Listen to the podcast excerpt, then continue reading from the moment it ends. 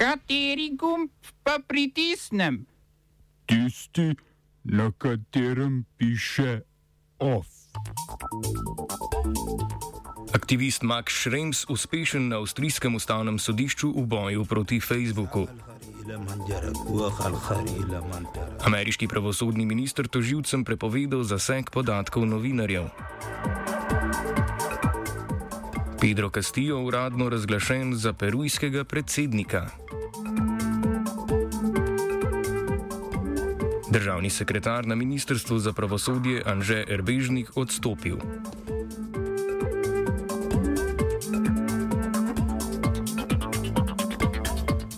Združene države Amerike so s podporo klasičnih zaveznic, med katerimi so Evropska unija, Združeno kraljestvo, Japonska, Nova Zelandija, Kanada in Avstralija, obtožile Kitajsko, da ščiti in podpira skupino hekerjev, ki so marca vdrli v strežnike Microsoft Outlooka. Ta vdor naj bi prizadel 30 tisoč organizacij.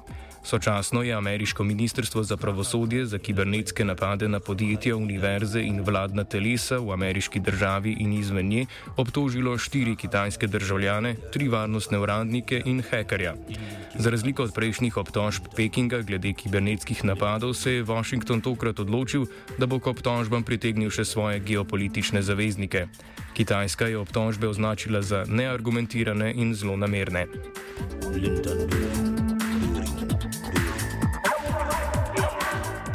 Pravosodni minister Združenih držav Amerike Merrick Garland je zvezdnim toživcem prepovedal zaseganje podatkov novinarjev med preiskavami uhajanja zaupnih informacij iz vlade. Drugače povedano, tožilec ne more zahtevati novinarjevih podatkov samo zato, ker ta poseduje ali je objavil zaupne informacije. Prepoved se sicer ne nanaša na določene izjeme, podatki se lahko zasežejo, če obstaja sum, da novinar dela za tuje sile ali za teroristično organizacijo. Prepoved prav tako ne velja, če so ljudje neposredno ogroženi, če gre za ugrabitve ali zločine proti otrokom. Takšen ukrep naj bi bil odgovor na prakse administracije Donalda Trumpa, ki je zasegla telefone in elektronska sporočila novinarjev v zvezi s preiskavo o ruski upletenosti v ameriške volitve.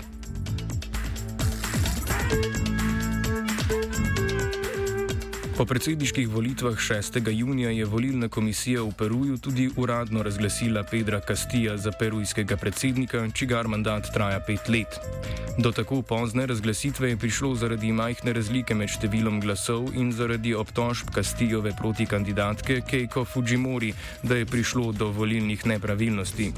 Fujimori je pristojne s pravnimi sredstvi pozvala naj razveljavijo rezultate 802 volišč in naj pregledajo spornih 300 tisoč glasov. Državno telo za volitve je vse pritožbe zavrnilo, Fujimori pa je ob ponovnem zatrjevanju o volilni prevari uradno sprejela poraz.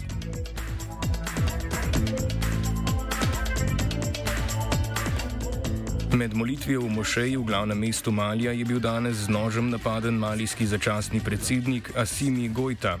Gojta je prevzel oblast in kot predsednik zaprisegel prejšnji mesec, potem ko je kot podpredsednik v začasni vladi obtožil predsednika Baha Ndava in premijeja Muktarja Uena, da se pri kadrovskih menjavah v kabinetu nista posvetovala z njim.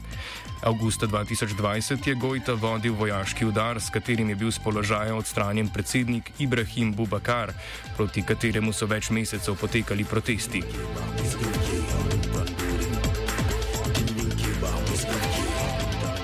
Avstrijsko ustavno sodišče je odobrilo prošnjo aktivista avstrijskega pravnika Maxa Schremsa, ki se že več let bori proti Facebookovim praksam zbiranja podatkov in na sodišče Evropske unije naslovilo vprašanja glede pravnih temeljev, na podlagi katerih Facebook v Evropski uniji zbira podatke uporabnikov. Šrems trdi, da Facebook ne upošteva določil splošne uredbe EU o varstvu podatkov in da obravnava privolitev uporabnika kot pogodbo civilnega prava, ki mu omogoča, da podatke tega uporabnika uporablja za ciljne reklame. V okviru štirih vprašanj je obravnavana celotna Facebookova uporaba podatkov za zaslužek. Če sodišče prepozna nezakonitost, bi lahko prišlo do tega, da bo Facebook primoran izbrisati vse podatke, ki so bili zbrani nelegalno in plačati milijonom uporabnikov za nastalo škodo. Oba, če, bom odgovoril na angliški. Slovenia will try to help. We can Slovenia will and we will do our utmost to say that the situation is our problem ourselves. and uh, We will make further steps as soon as the conditions are bomo vlado Marjana Cererja, Mira- Marjana Cererja Šarca podprli. uh, very, very serious. we know how and we will. Na spletni strani iPesa je bil objavljen delitveni načrt družbe Časnik večer, ki predvideva izčlenitev in prodajo premoženja, ki se v glavnem nanaša na dejavnost založništva. Od družbe naj bi ločili založništvo in ga z zaposlenimi prenesli na novo družbo, ki bi jo potem prodali. Ve večer oziroma novo družbo naj bi po neuradnih informacijah kupil medijski mogotec Martin Odlazek. Družba Časnik večer naj bi še poslovala naprej, vendar pod novim imenom in svetovanjem ter storitvami. Anžer Bežnik, državni sekretar na Ministrstvu za pravosodje, je po manj kot enem mesecu odstopil z položaja. Novi minister za pravosodje Marjan Dikaučič ja, je javnost obvestil, da so razlogi za odstop Bežnika njuni različni pogledi glede vodenja resorja in uloge državnega sekretarja. Na ministrstvu je sicer pestro zaradi zadeve neimenovanja evropskih delegiranih toživcev. Včeraj je državno-toživski svet vlado pozval naj o predlogih za imenovanje državnih toživcev odloči v najkrajšem možnem času.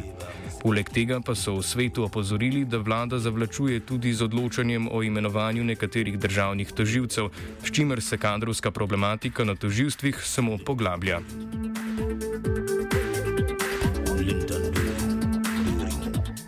OF je pripravila Aida.